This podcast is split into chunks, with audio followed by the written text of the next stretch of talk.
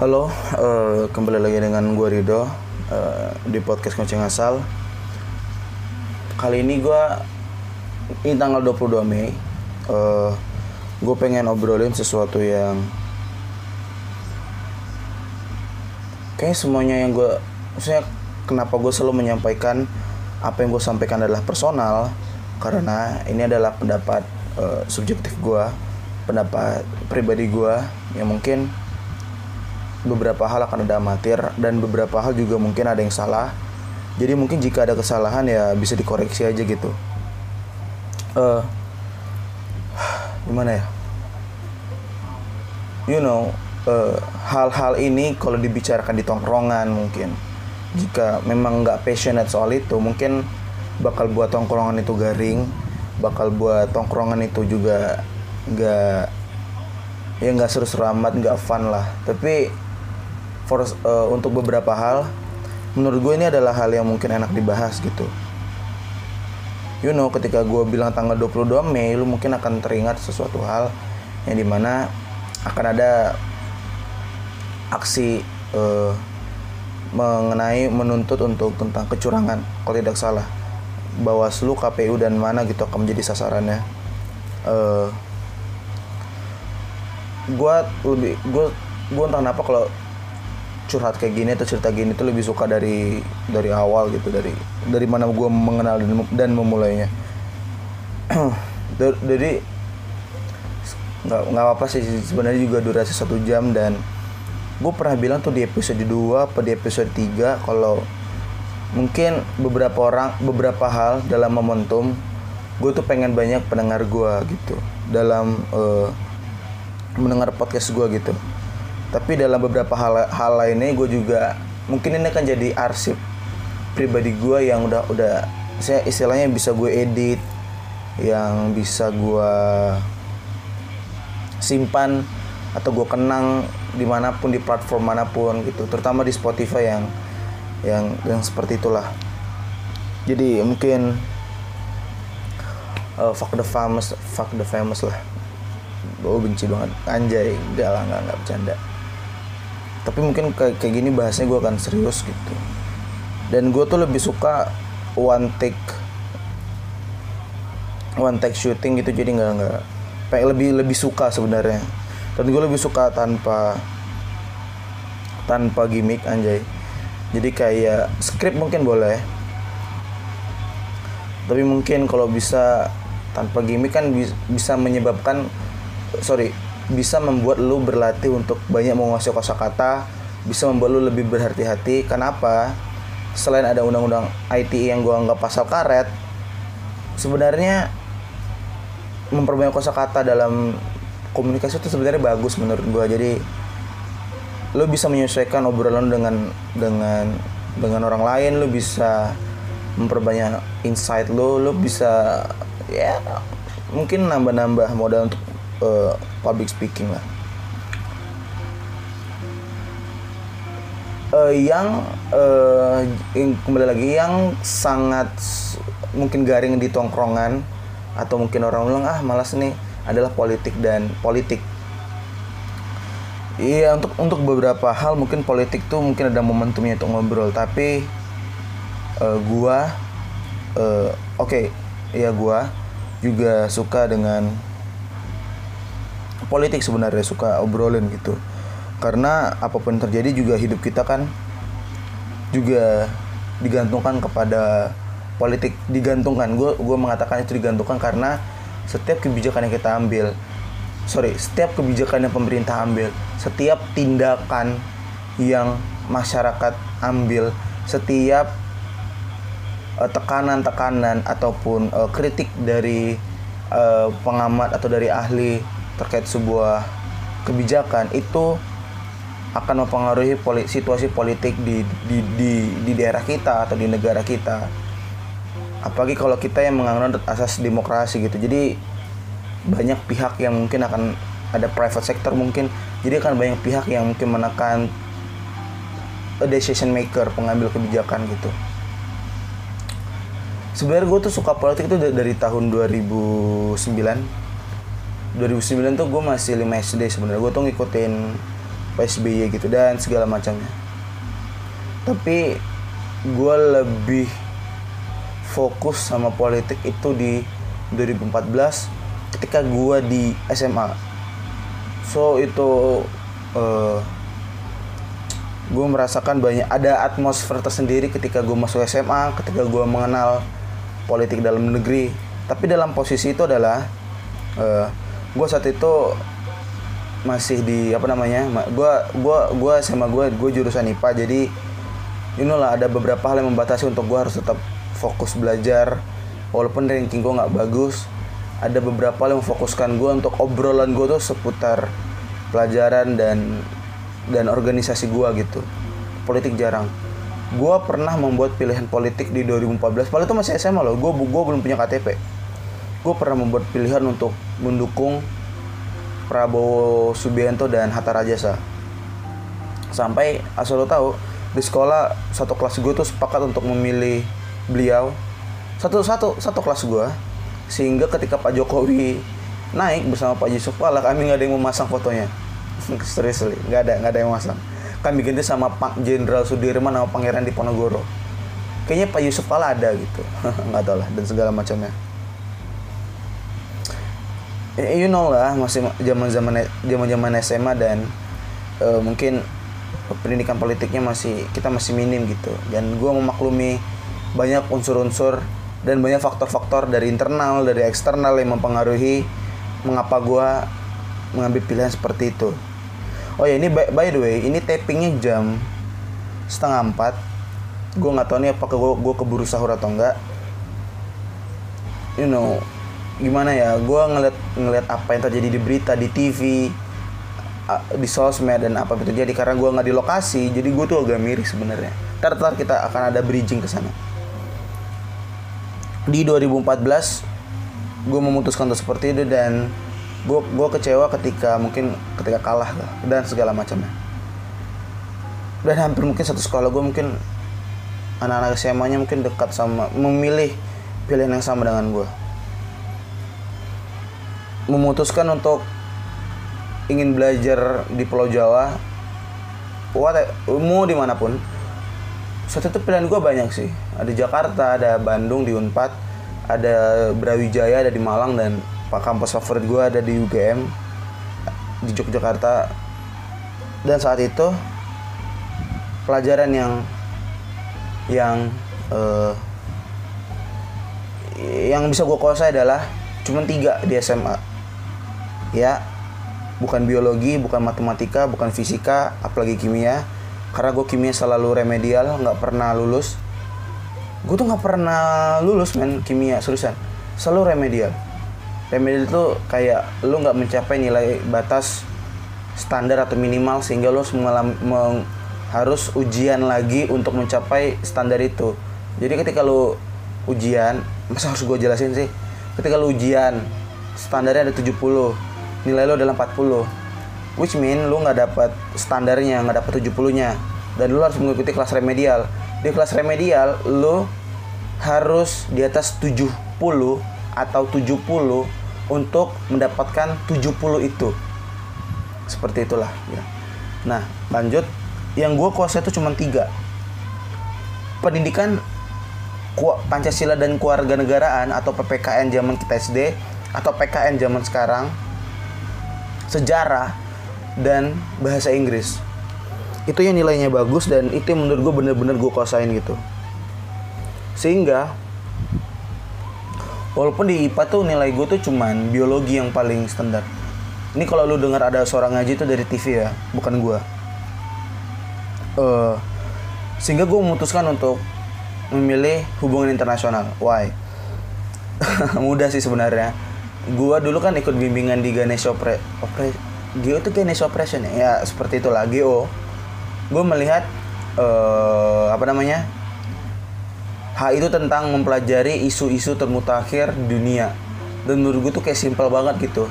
Kayak yaudah ini aja deh gitu. Dan dan dan dan kualifikasinya adalah lo harus bisa ini bahasa Inggris harus bisa sejarah harus bisa dan segala macam. Dan itu mendekati dengan apa yang gue punya. Apa yang gue punya ya bukan apa yang gua kuasain apa yang gua punya. Jadi itu kayak punya itu kayak cuman tercapai nggak terlampaui. Tercapai dalam artian pas-pasan dalam hal itu tapi nggak melampaui nggak ekspor dalam hal itu. Karena yang ekspor itu juga banyak kok teman-teman teman-teman SMA gue gitu. Gue memilih hubungan internasional tapi bokap nyokap gue pengen. Ini ini kenapa jadi bahas pendidikan ya? Mohon maaf. Sorry.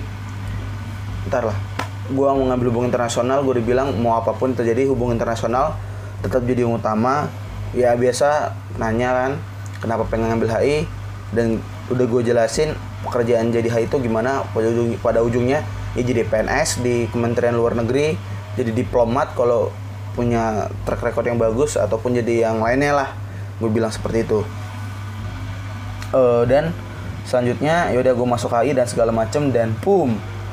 Ketika gue masuk HI mengenal senior mengenal dosen dan sampai sekarang gue semester 6 alhamdulillahnya gue paham politik.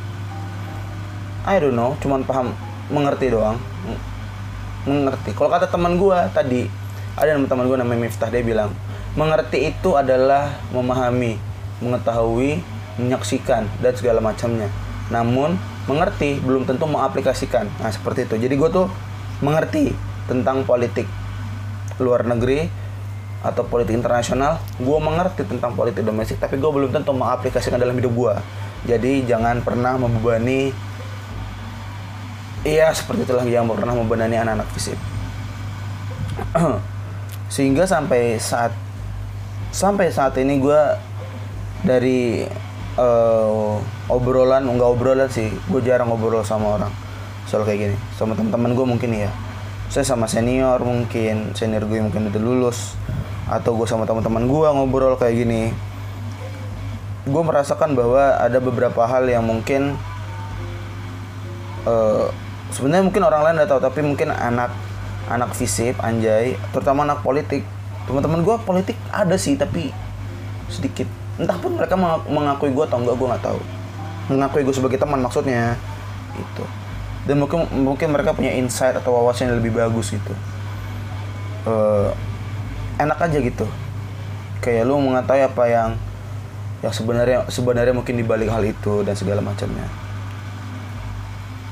Uh, mungkin ini cuma umum aja sih dan segala macamnya.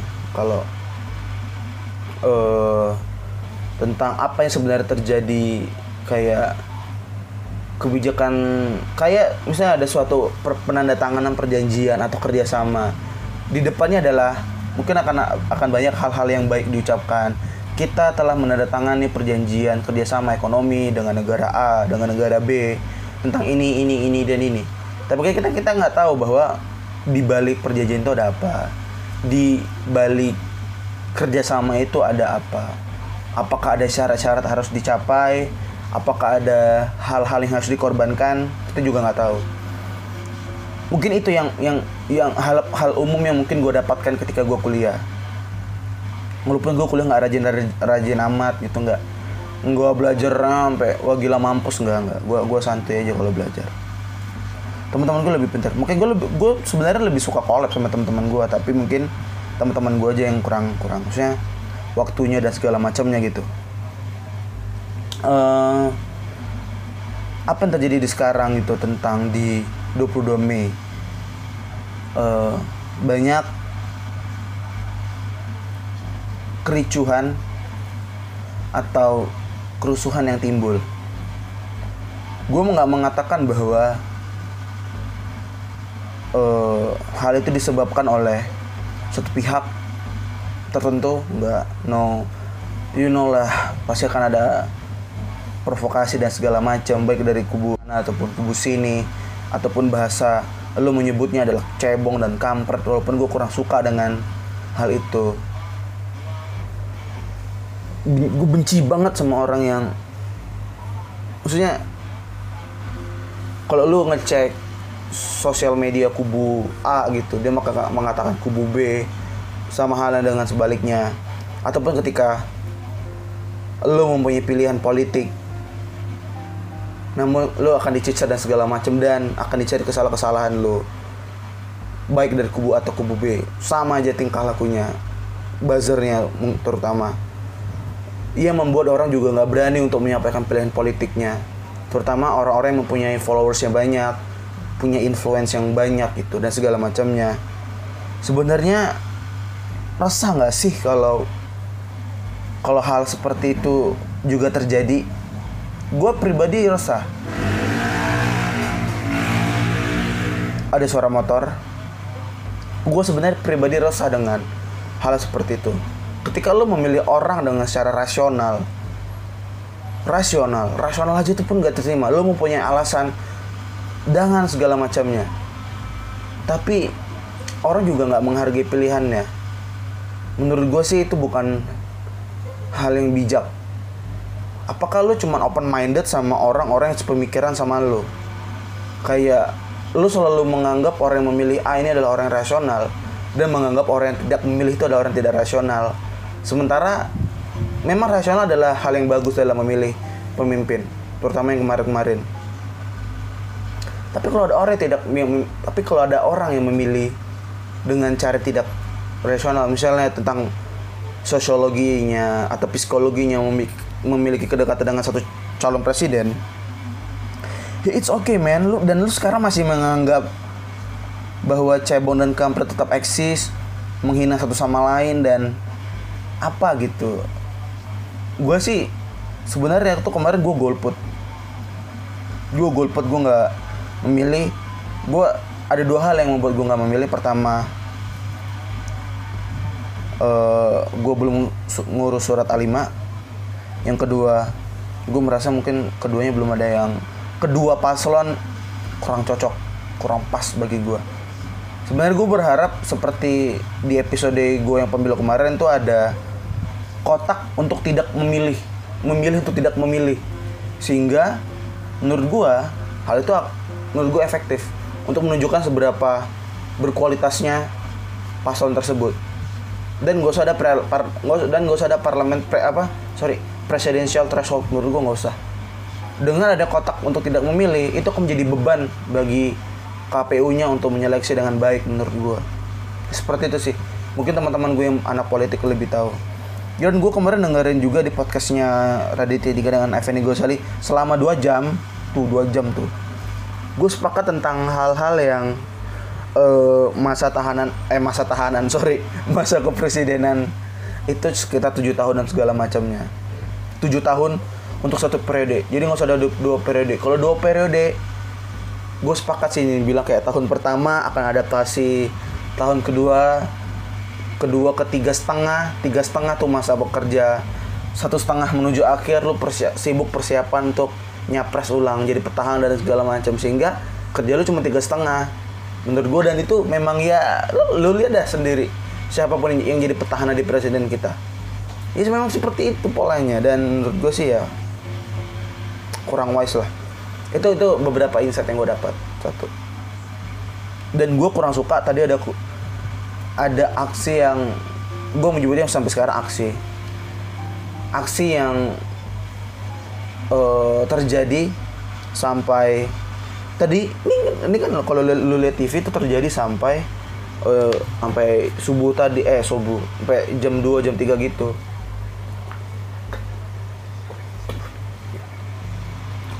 Sorry gue minum. Jam 2 sampai jam 3 gitu dan men itu ada polisi yang men menjaga gitu.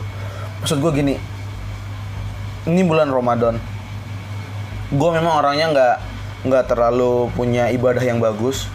Gue bukan adalah orang yang paling rajin beribadah no.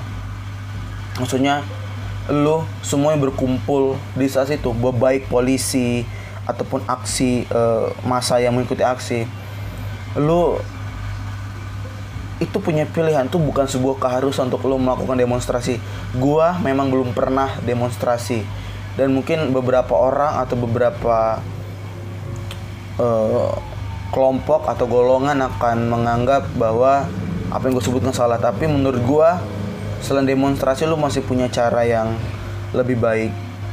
Punya punya cara yang lebih oke okay gitu. Ya harus masih harus gue sebutkan sih tentang cara yang lebih bagus. Karena sesuatu yang mengatasnamakan people terkadang itu nggak mere, merepresentasikan people itu sendiri. Kerusuhan tadi tuh nggak rusuh ya cuma ricuh doang.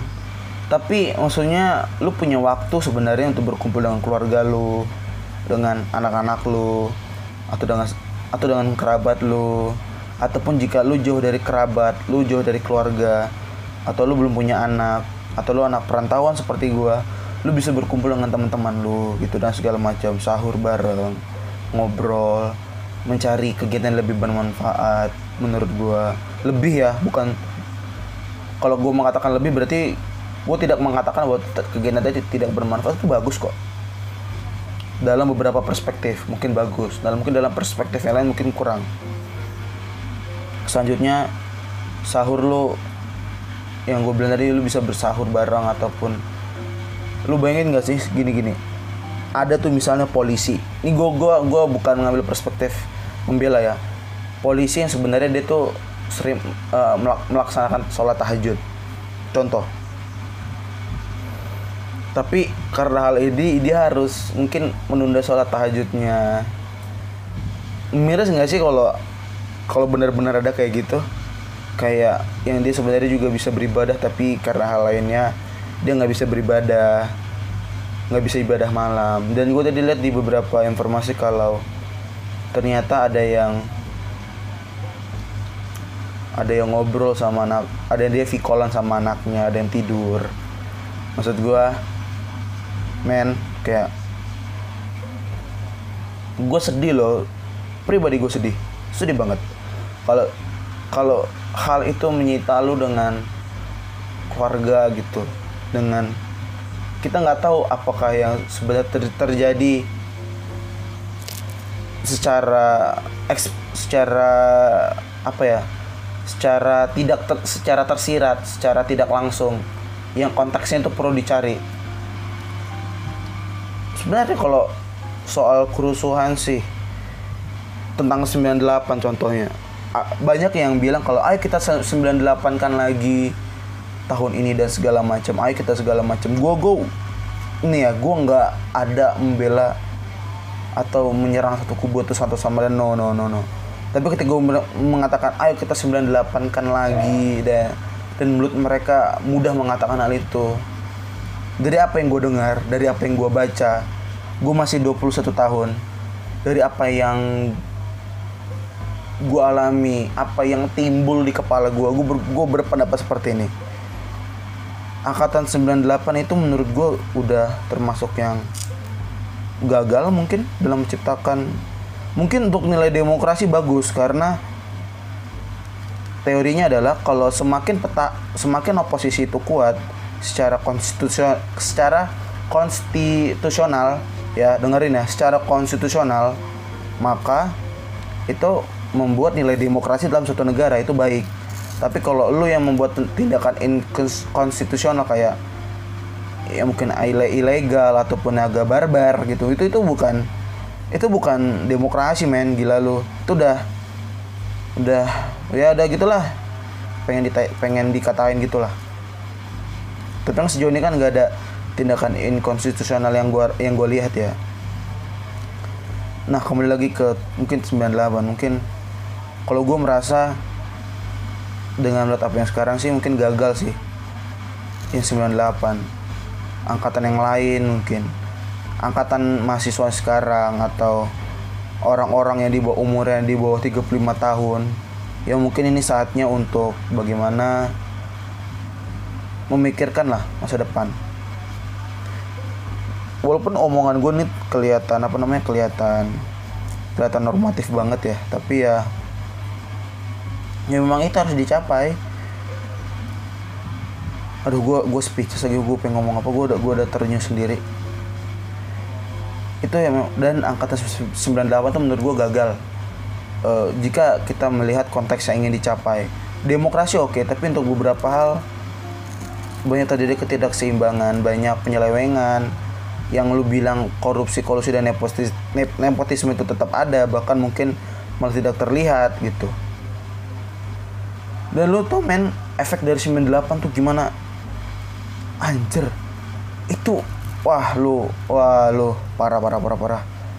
Lu googling dan lu search gambar oke ini gue nggak tahu nih bisa gue jadiin explicit content tapi mungkin pendengar gue udah udah lumayan lah. Men lu lihat aduh penyiksaan terhadap perempuan diperkosa lah dan segala macam dianiaya. Bahkan ada sapu masuk ke kelamin perempuan. Lu lu miris nggak sih ngeliat hal seperti itu? Dan itu terjadi kepada perempuan dengan etnis tertentu. Kayak kayak apa sih? Kayak mau dibilang genocide gue nggak tahu. Tapi otaknya hampir kayak gitu. Maksudnya ketika lu menciptakan aksi seperti itu maka ternyata ada efek samping yang terjadi dan hal seperti itu gue dengar cerita kakak gue gue gue lima bersaudara dan kakak gue paling gede itu sama gue beda 14 tahun. Jadi ketika 98 itu berarti dia masih SMP men lu bayangin kakak gue tuh jauh dari orang tua gue sekolahnya. Tinggal di rumah nenek gue nenek nenek sepupunya nenek gue. Dan lu bayangin ketika di hari itu dia pernah cerita bahwa dia sendirian di sekolahnya. Dan teman-teman dia pulang dengan rasa ketakutan sama orang-orang tuanya gitu. Gue pernah dengar dia pernah bilang kalau apa PNS di telanjangnya atau gue lupa. Ntar di gue klarifikasi deh. Tak kapan klarifikasi gue nggak tahu. Lu DM aja gue. Do itu bener nggak do? Ada itu di telanjangin? Gue nggak tahu. Ntar lu tanya aja. Tapi seingat gue seperti itu. Dan lu asal lu tahu kalau hal itu terjadi selama kakak gue dan segala macamnya itu akan membuat gue benar-benar benci dengan dengan negara ini. Negara ini. Bukan not the on bukan hanya masyarakat tertentu. Gue akan benar-benar benci dengan negara ini. Jika hal itu terjadi dulu sama kakak gue dua kakak gue terutama. Dan jika kerusak gue nggak tahu ya pasti you know lah akan ada provokator yang yang masuk gitu. Pasti ada karena lu tau gak sih mungkin ini gue nggak tahu nih pak ada nya perspektif akademiknya ada atau enggak gue nggak tahu. Tapi begini ketika suatu negara mengalami revolusi besar-besaran maka pemerintah kan saat itu jatuh tuh. Misalnya ini contoh akan jatuh mungkin akan dikudeta dan segala macamnya. Dan akan digantikan pem pemerintahan baru lo tau gak sih bagi negara-negara besar dalam perspektif gue bagi negara-negara besar itu adalah hal yang bagus karena karena lo akan memulai foreign policy dengan yang baru, dengan yang fresh, akan diulang semua perjanjiannya. Kenapa berani kenapa berani mengulang? Ya karena negara lo sedang jatuh-jatuhnya. Negara yang mengalami revolusi atau mengalami perpecahan kayak contoh di Arab Spring pas ekonomi jatuh nggak ada negara yang mengalami krisis politik dalam negerinya punya ekonomi yang bagus tuh bisa tumbang ekonominya jamin gue di 98 ekonomi ekonomi kita tumbang Ya karena krisisnya kita. Ketika krisis ya juga investor juga nggak akan banyak yang masuk. Investor akan cabut. Ini kita akan jomplang belum kita nggak tahu dah ada surat berharga surat berharga negara mana yang keluar dan belum kembali. Kalau investor nggak ada ya gimana? Negara kita belum negara yang benar-benar full industrial, belum negara-negara yang berkembang secara industri. Secara regional kita juga antara imbava ambivalensinya tinggi antara benci sama suka tuh tinggi sama negara-negara tetangga kita. Nah, contohnya seperti itu deh. Maksudnya ya dipikirin lah, lu mau kayak apa pun tuh demi demi demi kebenaran dengan lu mengatakan seharusnya. Iya, seharusnya seperti ini. Sekarang, zaman sekarang orang menggunakan kata seharusnya itu itu tuh pembenaran. Iya seharusnya gini dan seharusnya gini. Kayak menganal membuat bahwa apa yang terjadi itu adalah kebenaran yang mutlak. Padahal kalau dalam politik ya itu kan tentang kepentingan. It's it's all about its uh, interest gitu. Mau kepentingan siapa kek mau mau elit interest kek atau mau siapa pun gitu. Kalau yang gue pelajarin anjay nggak nih gue gue kadang bercandanya bisa bercanda sama serius ini di tengah-tengah ini podcast ini ya. Gue baru belajar di semester ini ada namanya tapi cuman bisa digunakan di di apa namanya di Arab di il, uh, di Jazirah Arab gitu. Ada nama teorinya ada namanya teori Hinebus sama Estet, Ehtesami mereka itu adalah seorang akademisi kalau nggak salah ya dari Inggris. Gue lupa tuh Cambridge atau Oxford atau London School atau apalah. Mereka mengatakan bahwa ne national interest tuh sekarang bergeser kepada elite interest. Elite interest tuh orang-orang yang berada di berada di di, di, di jabatan tertinggi gitu. Orang-orang yang memiliki memiliki hak dan peluang lebih besar dalam proses decision making dalam pembuat keputusan. Kalau di elite interest berarti udah berbeda dong sama masyarakat in, masyarakat interestnya gitu. Dan dan gue menyadari memang apa yang terjadi di hampir banyak negara itu elite interest bukan people interest atau national interest. Dan main actor itu menjadi sorry negara atau pemerintah menjadi main actor yang dominan walaupun tetap ada tekanan-tekanan dari masyarakat dan segala macam. Tapi kan tetap dominan karena dia mengambil keputusan. Begitu.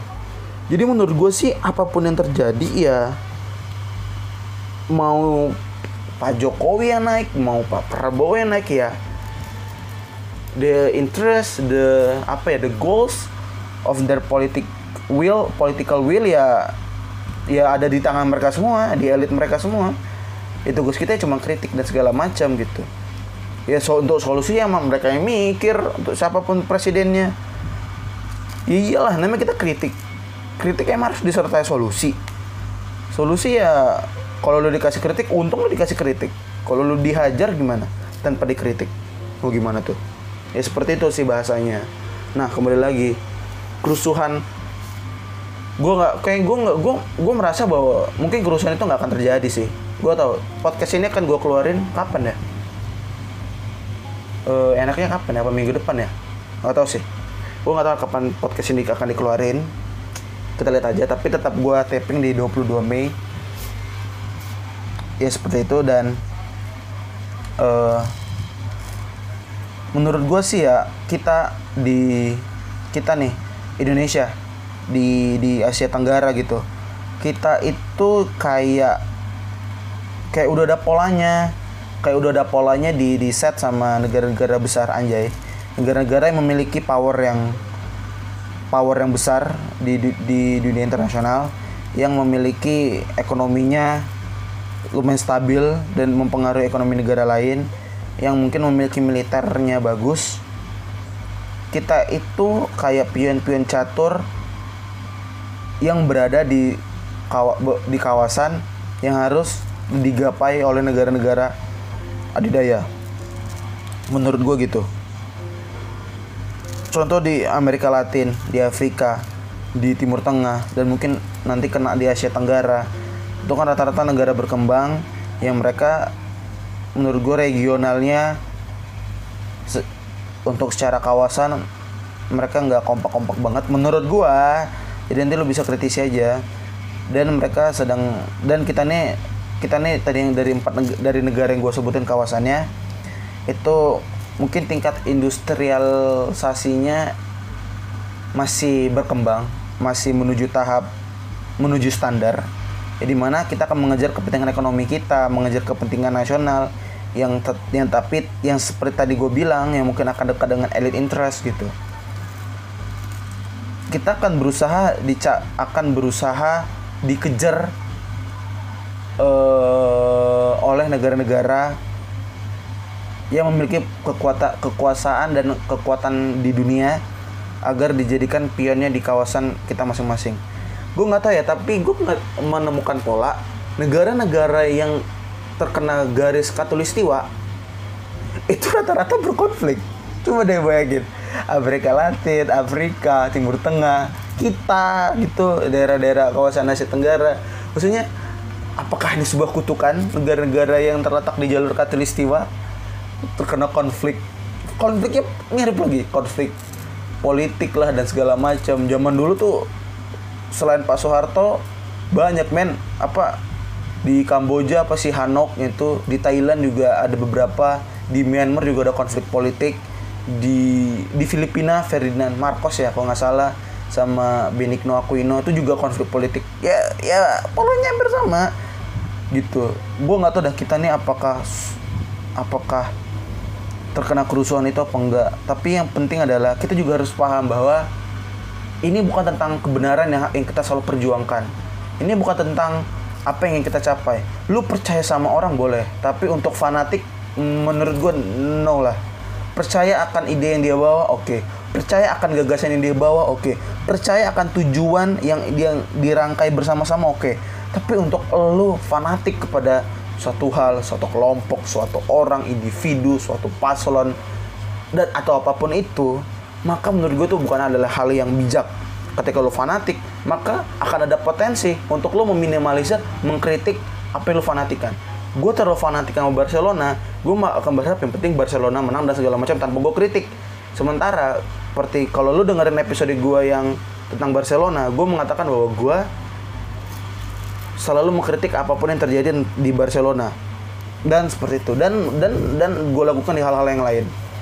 Jadi ya gue gitu gue nggak terlalu fanatik. Bahkan gue gue berpikir bahwa belum ada paslon yang pas untuk dipilih di, di 2019 gue nggak tahu dah kita semoga umur gue panjang mungkin di 2024 gue bisa milih dengan orang-orang yang terbaik.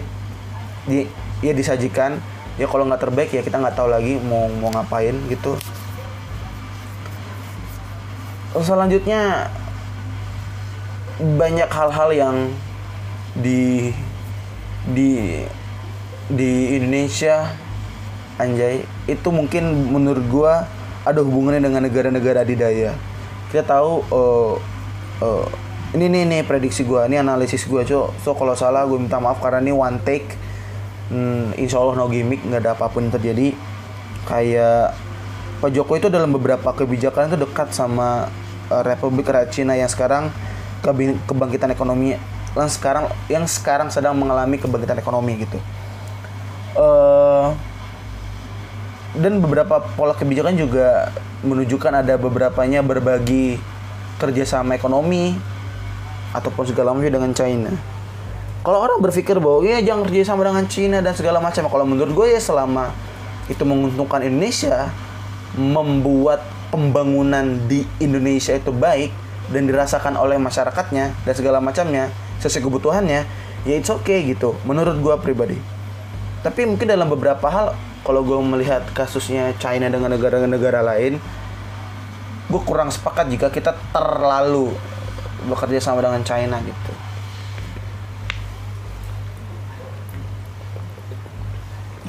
gue minum sorry sorry gue minum ya uh, selanjutnya adalah Nah, ketika kita dekat sama China, kan tadi gue nge-mention soal negara-negara adidaya yang ingin menguasai pion-pionnya di di beberapa kawasan.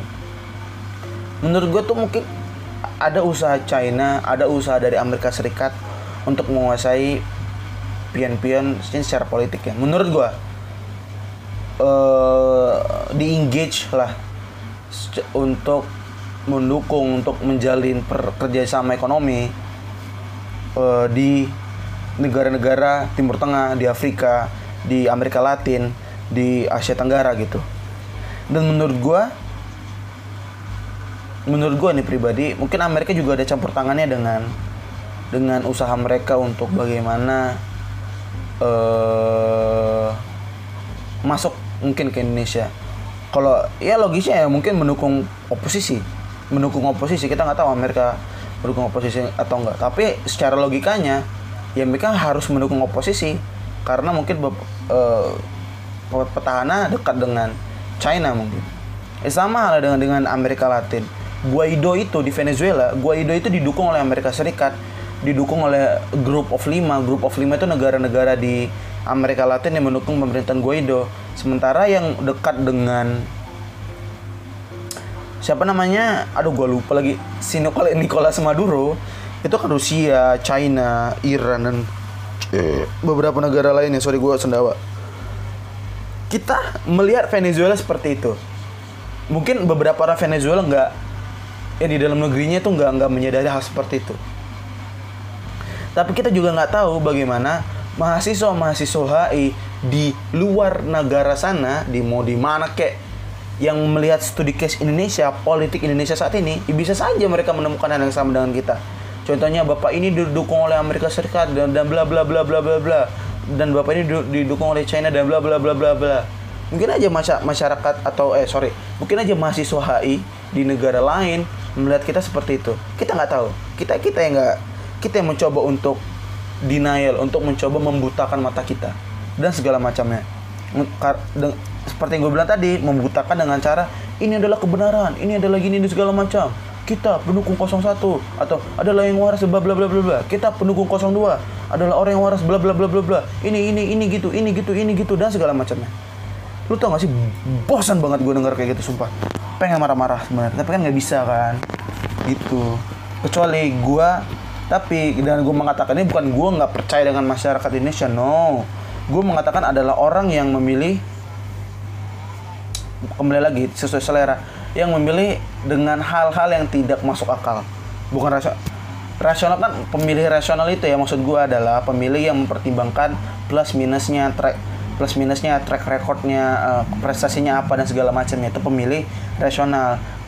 Menurut gue orang yang tidak masuk akal tuh ya mm, mengasosiasikan teman teman dalam politik itu adalah abadi. Itu menurut gue adalah orang menurut gue kurang masuk akal. Nggak ada men teman yang abadi dalam politik. Percaya deh sama gue lu, menurut lu gimana PKB PKS PPP PAN? Zamannya Pak SBY bareng-bareng di bawah kursinya di, di bawah eh, di bawah pangkonnya Demokrat lah, saya di bawah koalisi Demokrat. Tapi sekarang menurut lo mereka tuh pisah-pisah. PPP sama PKS di kubunya Pak Prabowo Sandi, PPP sama eh PAN sama PKS di kubunya Pak Prabowo Sandi, PPP sama PKB di kubunya Pak Jokowi. Menurut lo gimana? Masa cuma beda lima tahun tiba-tiba pe- pecah koalisi? Kayak gitu deh contohnya. Atau dengan yang lain dah. Kayak lu pasti tau lah di 2014 yang mendukung siapa mendukung ini ternyata di 2019 mendukung yang lain dan segala macamnya itu yang harus dipikirkan. Itu itu yang pertama. Yang kedua adalah lo ngata-ngatain orang lain ke- ketika dia berbeda pilihan dengan lo gitu dan segala macam. Gue tahu itu lo itu bukan orang. Gue tahu itu robot atau orang dibayar dan segala macamnya. Buzzer-buzzer nggak jelas. Untuk ngata-ngatain orang yang mengasosiasikan nama mengasosiasikan dengan nama yang nggak bagus kepada orang-orang lain gitu. Kayak Prabohong, Sandiwara, Jokowi, Jainuddin Ngaciro, dan mungkin Kiai Haji Maruf Amin mungkin ada julukannya yang gua nggak tahu. Lu mengasosiasikan nama orang dengan buruk itu kan adalah kebencian, bukan ketidak bukan berbeda selera pilihan. Itu beda loh. Lu benci sama lu nggak selera untuk milih dia itu adalah dua hal yang beda. Kayak gua ada ada tom yum nih, makan tom yum. Gue bilang gue nggak suka asem gue nggak suka kuahnya gini-gini dan segala macam nggak cocok di mulut gue dan nggak cocok untuk di lidah gue gini-gini. Itu adalah pilihan karena ber- mungkin berbeda selera berbeda latar belakang. Karena mungkin latar belakang lu makannya bukan tom yum mungkin soto soto ayam dan segala macamnya.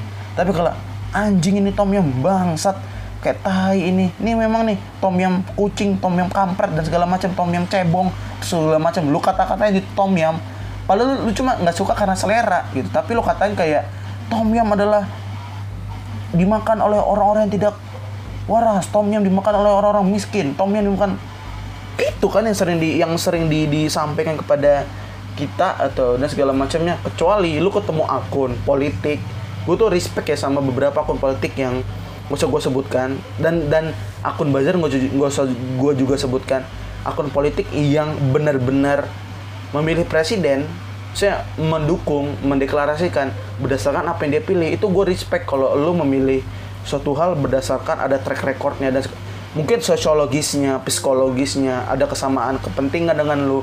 Itu gue pahami dan gue respect gitu. Tapi dengan hal yang nggak masuk akal lu memilih orang lain dan segala macamnya gue kurang sepakat.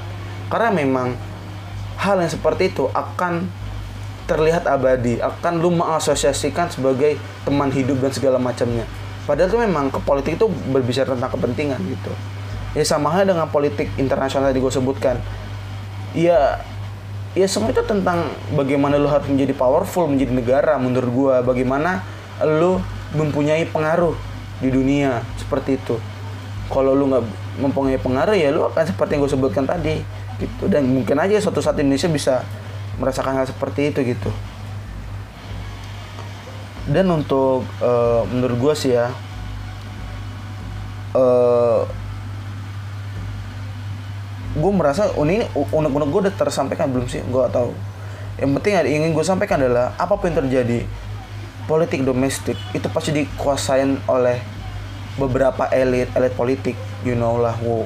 siapa pun mereka itu yang mungkin sekarang sedang tidur nyenyak atau makan sahur bareng keluarga dan segala macamnya sorry sorry gue agak ngata-ngatain ya tapi gue gedek banget sama kayak gitu. Baru mungkin semua itu ada hubungannya dengan politik internasional.